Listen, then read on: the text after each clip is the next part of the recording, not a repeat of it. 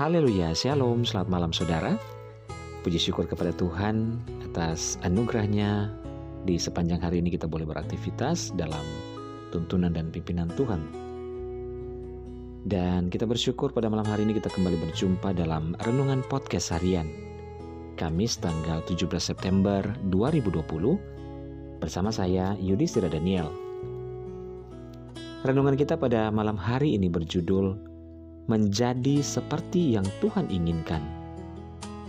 Bacaan firman Tuhan terdapat dalam Efesus 2 ayat 10. Firman Tuhan berkata, "Karena kita ini buatan Allah, diciptakan dalam Kristus Yesus untuk melakukan pekerjaan baik yang dipersiapkan Allah sebelumnya.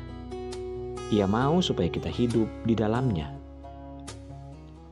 Saudara, kalau kita mempunyai uang 100 ribu, namun uang tersebut sudah jatuh ke selokan atau terinjak-injak di tanah sampai kotor.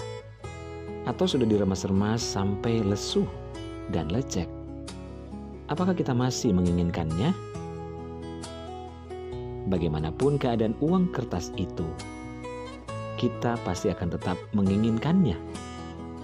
Jika basah sekalipun, akan kita coba untuk mengeringkannya. Dan kalaupun sudah robek, kita akan berusaha untuk menyatukannya kembali. Kita tetap ingin menginginkannya karena uang tersebut masih tetap berharga dan masih berguna. Meskipun sudah kotor dan basah, nilainya masih tetap sama. Tuhan menciptakan kita menjadi karya yang berharga. Sesuatu yang berharga tidak layak diletakkan di tempat yang kotor dan tidak layak seperti yang tertulis dalam Matius 7 ayat 6, Jangan kamu memberikan barang yang kudus kepada anjing dan jangan kamu melemparkan mutiaramu kepada babi, supaya jangan diinjak-injak dengan kakinya, lalu ia berbalik mengoyakkan kamu.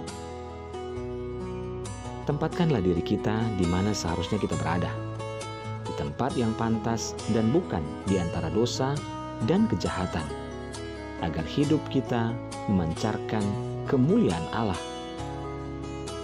Sebagai ciptaan Allah yang segambar dan serupa dengannya, kita adalah ciptaan yang berharga.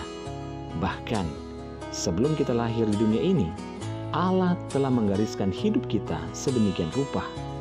Dia telah memiliki rencana yang indah buat kita. Hal itu karena kita sangat digasihinya.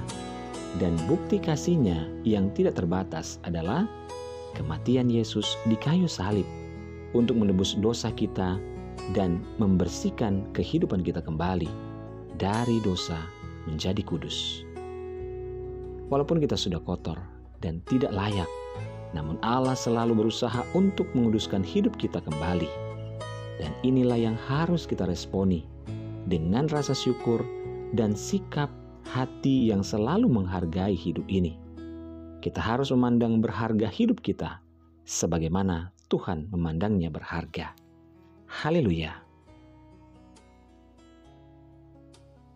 Renungkanlah firman Tuhan pada malam hari ini dan percayalah bahwa kita berharga di matanya dan Tuhan senantiasa akan memperhatikan hidup kita. Haleluya.